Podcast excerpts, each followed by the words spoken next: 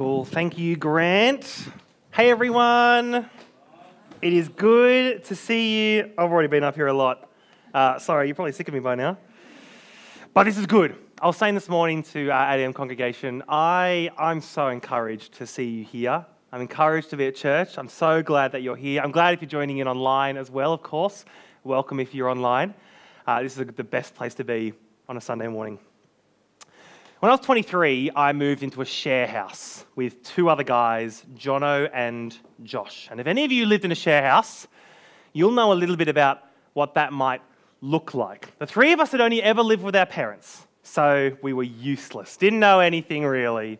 And we didn't have lots of the things that we needed kitchen things, dining things, laundry things, cleaning things, you know. And day one, we signed the lease. Hooray and then we had a, had a meeting. We're hanging out. It's 11 p.m. And we're like, let's, let's write down a list of all the things that we don't have. And so we started writing them down kitchen stuff, dining stuff, laundry stuff, cleaning stuff. And after a little while, it became apparent that we, we needed some inspiration. We didn't really know what we were doing. And so we needed some help. We needed someone with expertise, someone who could help us also on a budget and someone who was available at 11:30 at night. Who can you turn to? 11:30 p.m. Who can help you with kitchen stuff, dining stuff, laundry stuff, cleaning stuff? Who can help you stick to a budget? Penrith 24-hour Kmart. Oh. Kmart, the bountiful harvest field, the land of riches where you definitely don't need it, but you get it anyway. You know, what do you want? You want a washing basket? You want a weekday printed undies? You want a blender, a slow cooker? You want a raincoat for your dog? We have one of those. You want a bike? You want a fake pot plant? You want board games? They have it all. You know, Anko, the brand, Anko is the new Gucci, so I've heard. and so we were there until 1 a.m. and we got like everything that we needed. It was the best. Cost like 150 bucks. Our crowning achievement, we bought a knife block for five bucks. Not, not just the wood, like four knives in a knife block for five bucks. Of course, the highest quality. 24 hour Kmart. Is there anywhere more glorious? Anywhere more accessible that's open to anyone, anytime, anywhere that fills you with such joy? Well, as hard as it is to believe, the answer is yeah, there is. There is somewhere. Let me show you from the Bible. We're in Nehemiah chapter 4. And so far, there's been several groups of God's people who are returning to the city of Jerusalem from the city of Babylon. The temple was rebuilt. Uh, they've kind of restarted following God's law, and that's going okay. And now it's time for the city walls and the city gates to be rebuilt. At the start of the book, Nehemiah is around and he hears that the walls and the gates of the city of Jerusalem are in ruin. And so he asks King Artaxerxes, hey, can I go rebuild them? Which is a very brave, bold move. Because Artaxerxes, the king, he'd literally just written a decree being like, hey, no one is going to rebuild Jerusalem at all. And then Nehemiah's like, hey, can I go rebuild Jerusalem? And you would expect that wouldn't go down well. You would expect resistance, but God is active in that situation and he changes uh, the king's heart. And the king says, Go for it. Yeah, you can go and I'll support you. And so Nehemiah goes. It's amazing. Easy. Well, it doesn't stay easy for long because when Nehemiah arrives and starts building, we meet some baddies. There's Sanballat and Tobiah. And they're going to stand in the way, they're going to frustrate their efforts. They're going to cause resistance. Let's just make sure we can see that. If you've got your Bible there, this is the best time to reopen your Bible. I'll read chapter 4, verses 1 to 3 again. When Sanballat heard that we were rebuilding the wall, he became angry and was greatly incensed. He ridiculed the Jews, and in the presence of his associates and the army of Samaria, he said, What are those feeble Jews doing? Will they restore their wall? Will they offer sacrifices? Will they finish in a day? Can they bring the stones back to life from those heaps of rubble, burned as they are? And then Tobiah, the Ammonite, who was at his side, he said, What are they building? Even a fox climbing up on it would break down their wall of stones.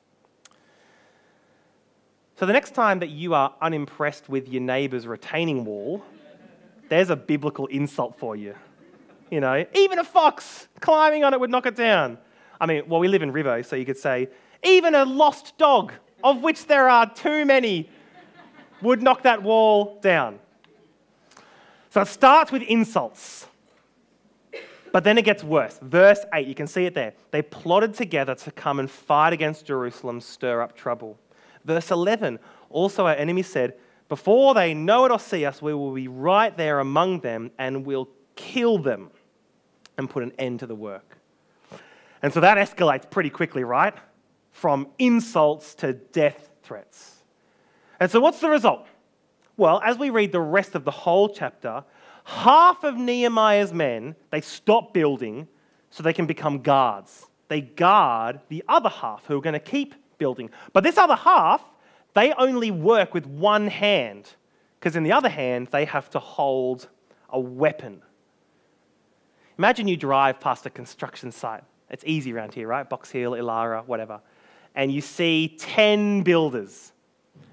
And five of them are just like not building, they're doing something else. And the other five are just working with one hand.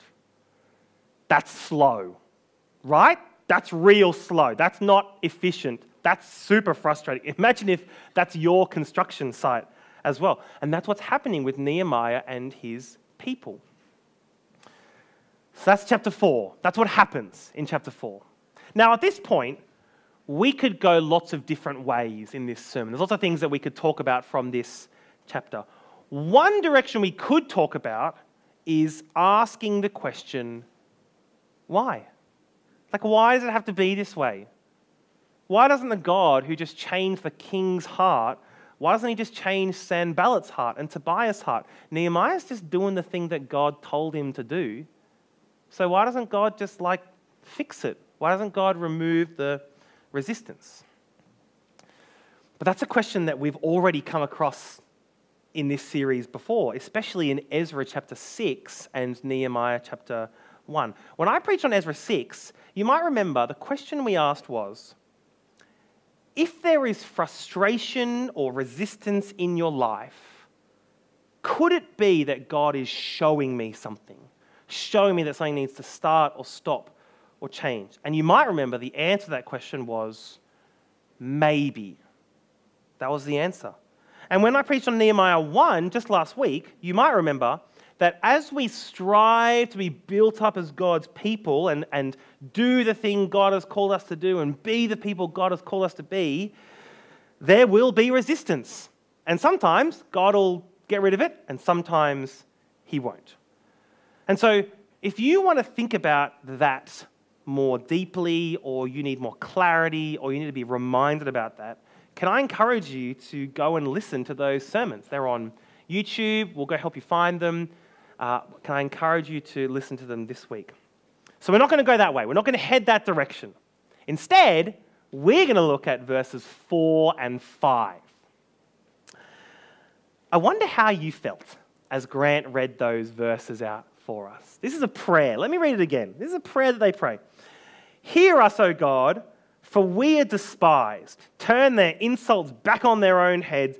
Give them over as plunder in a land of captivity. Do not cover up their guilt or blot out their sins from your sight, for they have thrown insults in the face of the builders.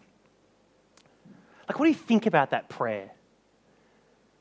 Would you pray that kind of prayer? you know, uh, God, that person who has insulted me or hurt me, curse them. Don't forgive them. Would you pray that? This kind of prayer is what's called an imprecatory prayer. It's a new word for us to learn. I'll say it over and over again so that you remember it. An imprecatory prayer. An imprecatory just means calling down curses against your enemies and imprecatory prayers appear a lot in the Psalms. King David often asks God to deal with his enemies. And it might sound like it's about revenge. You know, I've been insulted, so, so God, smite that person, don't forgive them, curse them, that kind of thing. But more likely, the motivation for imprecatory prayers is to bring about justice. More often, it's not that King David has been insulted, so he wants revenge. It's more like by insulting King David, his enemies have insulted God. And so King David's like, God, you are too holy and too worthy for insults, and so bring justice on them. Don't forgive them, pour out your judgment on them. And in the same way, here in Nehemiah, these verses are an imprecatory prayer. And maybe the motivation is revenge. That's possible. I think more likely, it's more like what we just said. It's about justice. It's more like, God, you have called me to rebuild the walls and the gates of Jerusalem, and these enemies are trying to stand against you, and so deal with them. Bring justice upon them. Don't forgive them. You're God. You're too holy and worthy for insult, so please bring justice on them. Please curse them. That's an imprecatory prayer. So now that I've explained it a bit more, now that you know what it means, same question. Would you pray that kind of prayer? Would you pray that? God, bring justice. This person has insulted you, and so don't forgive them, curse them. Would you pray that? I wouldn't. Not because I'm better or stronger than King David or Nehemiah. In their context in the Old Testament, this kind of prayer is much more appropriate. You know, they've only got the Old Testament to work with. They're expecting military victory. They're looking for that kind of justice. It's not because I'm better than them. The reason I wouldn't pray this kind of prayer is because along comes Jesus. And everything becomes more clear. Jesus teaches me and teaches all of us to pray the opposite of an imprecatory prayer. In his Sermon on the Mount, what does Jesus say about how you should treat your enemies, how you should feel towards your enemies? What does he say? You've heard it said, love your neighbors, hate your enemies. No, no. Here's what it actually is you should love your enemies and pray for those who persecute you. That's what Jesus says. He's like, You've heard it before. You've heard people say, Only love your neighbors, hate your enemies. And it's like, No, that's not what God is like. Jesus, God Himself, says, Here's the real way. Here's God's way. Love your enemies and pray for them. And you know, Jesus shows us what that looks like in just the most extreme example. I wonder what you think is like the most impressive thing or the most amazing thing that Jesus ever says. I wonder if you have a thought about that. Here's my thought.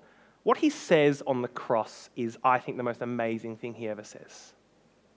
On the cross, he is in unprecedented pain.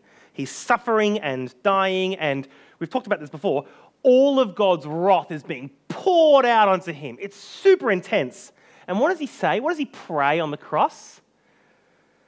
Father, forgive them because they don't know what they're doing.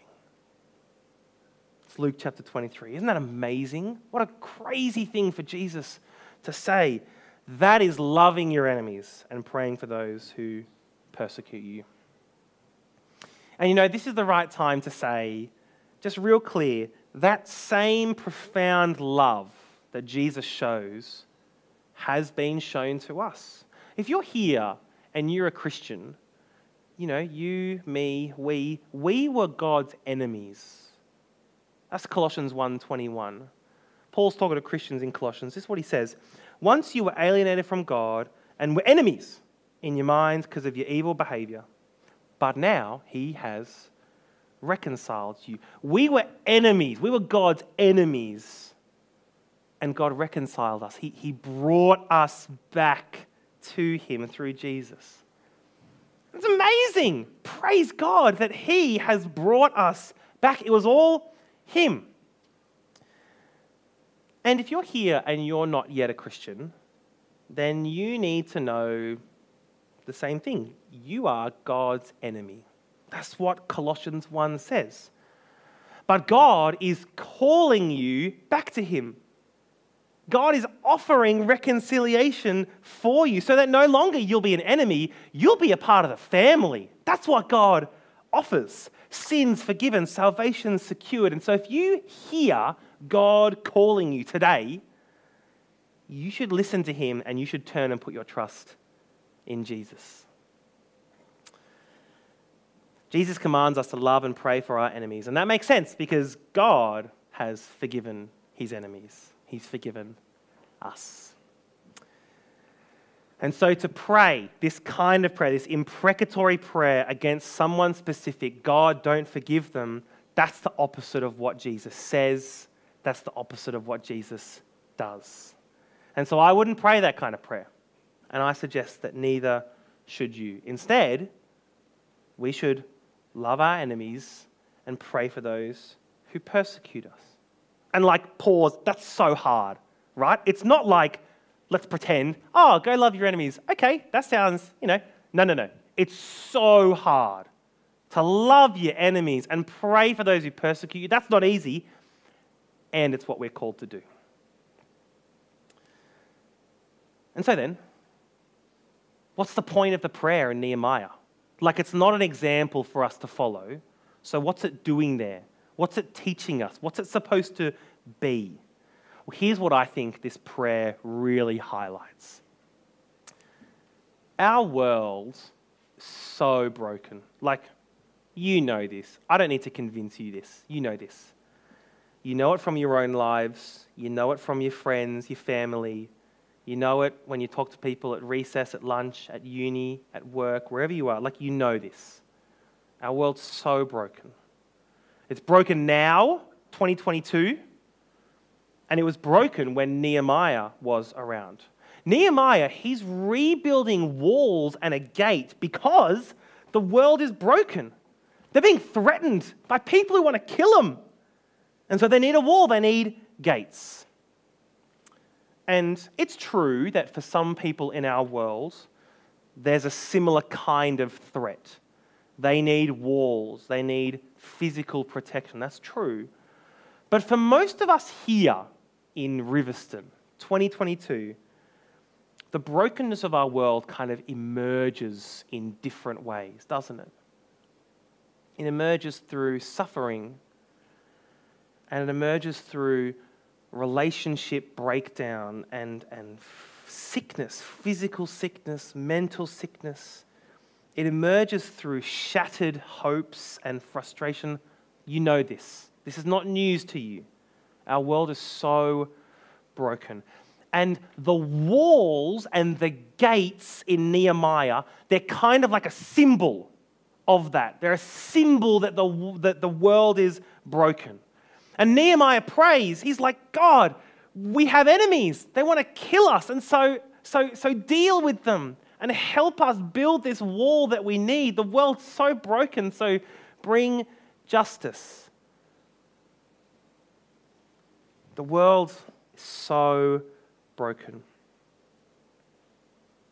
But of course, there's good news, isn't there? I said right at the start, I'm going to show you a place more glorious than a 24 hour Kmart, more accessible, more joy filling. And so that's what I'm going to do. I'm going to show you this place. Here's a question for you Where is the first gate in the Bible? We've been talking about gates and walls with Nehemiah and keeping people in and out. Where's the first gate in the Bible? Have a think. See if you can figure it out. Let's go have a look. Grab your Bible and turn to Genesis, right at the start. Really easy to find. Genesis chapter 3, verse 23. It'll be page 2, page 3 on your Bible. Let me read this out for you. And the question is where's the first gate and what does it look like? Here it is. So the Lord banished Adam from the Garden of Eden to work the ground from which had been taken. After he drove the man out, he placed on the east side of the Garden of Eden cherubim and a flaming sword flashing back and forth to guard the way to the tree of life. What's the first gate in the Bible? The first barrier in the Bible? It's a flaming sword.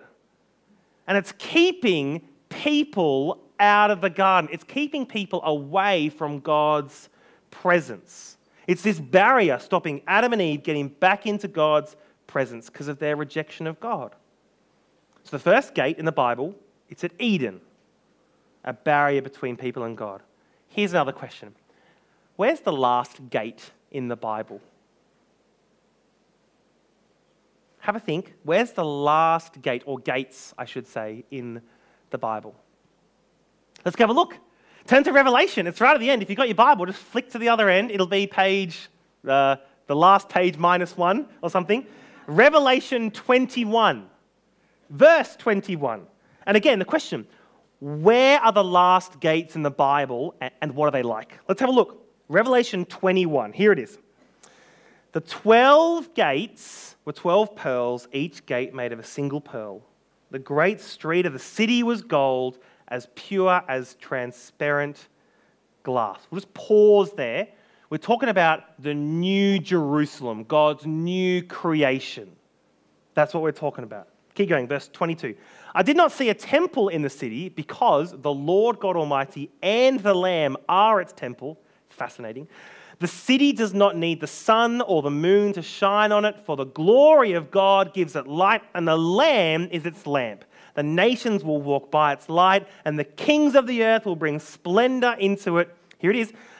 On no day will its gates ever be shut, for there will be no night there. What's the difference between the first gates and the last gates? The first one is shut. The first one is a barrier between God and man. The last one, the last ones, they're open. The barrier between God and man is gone. And that's the one that we are looking forward to. That's our future. If we are in Christ, that is our future. No more closed gates, no more barrier, no more flaming swords, no more stone walls like for Nehemiah. The gates are open. And for anyone who's put their trust in Jesus, that's where we will be in God's new creation, the new Jerusalem. There's no need for closed gates. What's more glorious than a 24 hour Kmart, more accessible, more joy?